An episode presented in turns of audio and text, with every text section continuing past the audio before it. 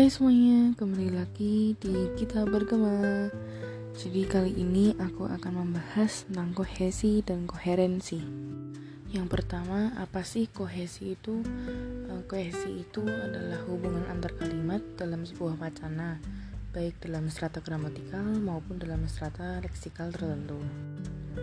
Kita dapat mengatakan bahwa suatu teks atau wacana tersebut benar-benar bersifat kohesif uh, apabila terdapat kesesuaian secara bentuk bahasa terhadap konteks. Sedangkan hmm, koherensi itu sendiri adalah uh, pengaturan secara rapi kenyataan dan gagasan, um, fakta dan ide menjadi suatu untayan yang logis. Jadi kita mudah memahami pesan yang dikandung. Atau atau bisa disebut juga uh, hubungan antar kata atau kalimat dalam teks dan dua buah kalimat tersebut menggambarkan fakta yang berbeda dapat dihubungkan sehingga tampak koheren. Lalu apa saja sih langkah-langkah untuk menyusun paragraf kohesi dan koherensi dalam artikel ilmiah?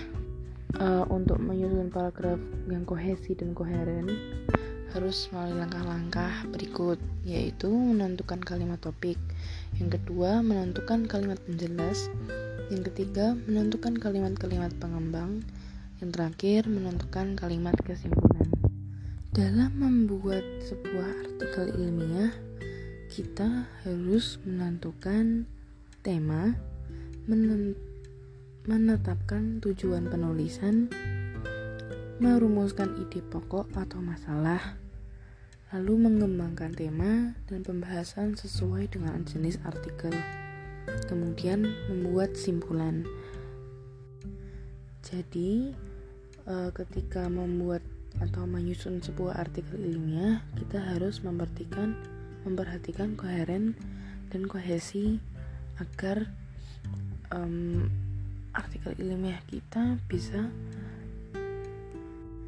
agar bisa dipahami dan juga pembacanya mudah mengerti apa yang dimaksud dari um, tema atau pembahasan yang kita pilih.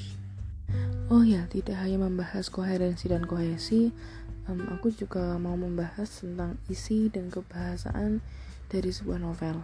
Jadi aku memilih novel berjudul Ubur-ubur lembur dari Raditya Dika. Ya karena kenapa Raditya Dika lagi? Um, karena aku tertarik dengan personal um, maksudnya dengan sikap dia dengan pemikiran dia dan ide-ide dia yang emang nggak bisa nggak bisa di ide-ide dia emang sangat luas dan itu semua tercurahkan dalam beberapa detik saja. Dan buku ubur-ubur lembur ini merupakan buku kumpulan cerita karya Radit yang diluncurkan secara serentak pada tahun 2018 alur atau plot ini jalannya memiliki hubungan sebab akibat. Um, buku ini bercerita tentang pengalamannya belajar hidup dari apa yang dia cintai, sambil menemukan hal remeh untuk menertawakan di sepanjang perjalanan. Dan seluruh babnya ini um, diangkat dari kisah nyata. Novel Ubur-Ubur Lembur ini menggunakan beberapa gaya bahasa, antara lain aliterasi, asonansi, anastrof atau inversi, ansin, asinden, asindeton, polisindeton, hiperbol, dan kiasmus. Jadi mungkin aku akan mm, membacakan atau menjelaskan tentang gaya bahasa aliterasi, asonansi, dan hiperbol. Yang pertama ada aliterasi. Aliterasi ini merupakan jenis gaya bahasa uh, yang berbentuk pengulangan huruf konsonan yang sama yang digunakan dalam yang digunakan untuk um, memberi penekanan dalam sebuah karya sastra. Yang kedua ada asonansi. Nah, asonansi ini merupakan um, jenis bahasa yang punya bentuk berulangan huruf vokal yang sama yang digunakan sebagai efek keindahan atau sekedar penekanan saja. Yang ketiga ada hiperbol.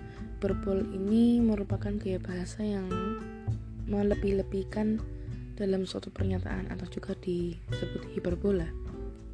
Jadi ya mungkin kali ini saja yang aku bahas. Semoga bermanfaat dan enjoy. Terima kasih.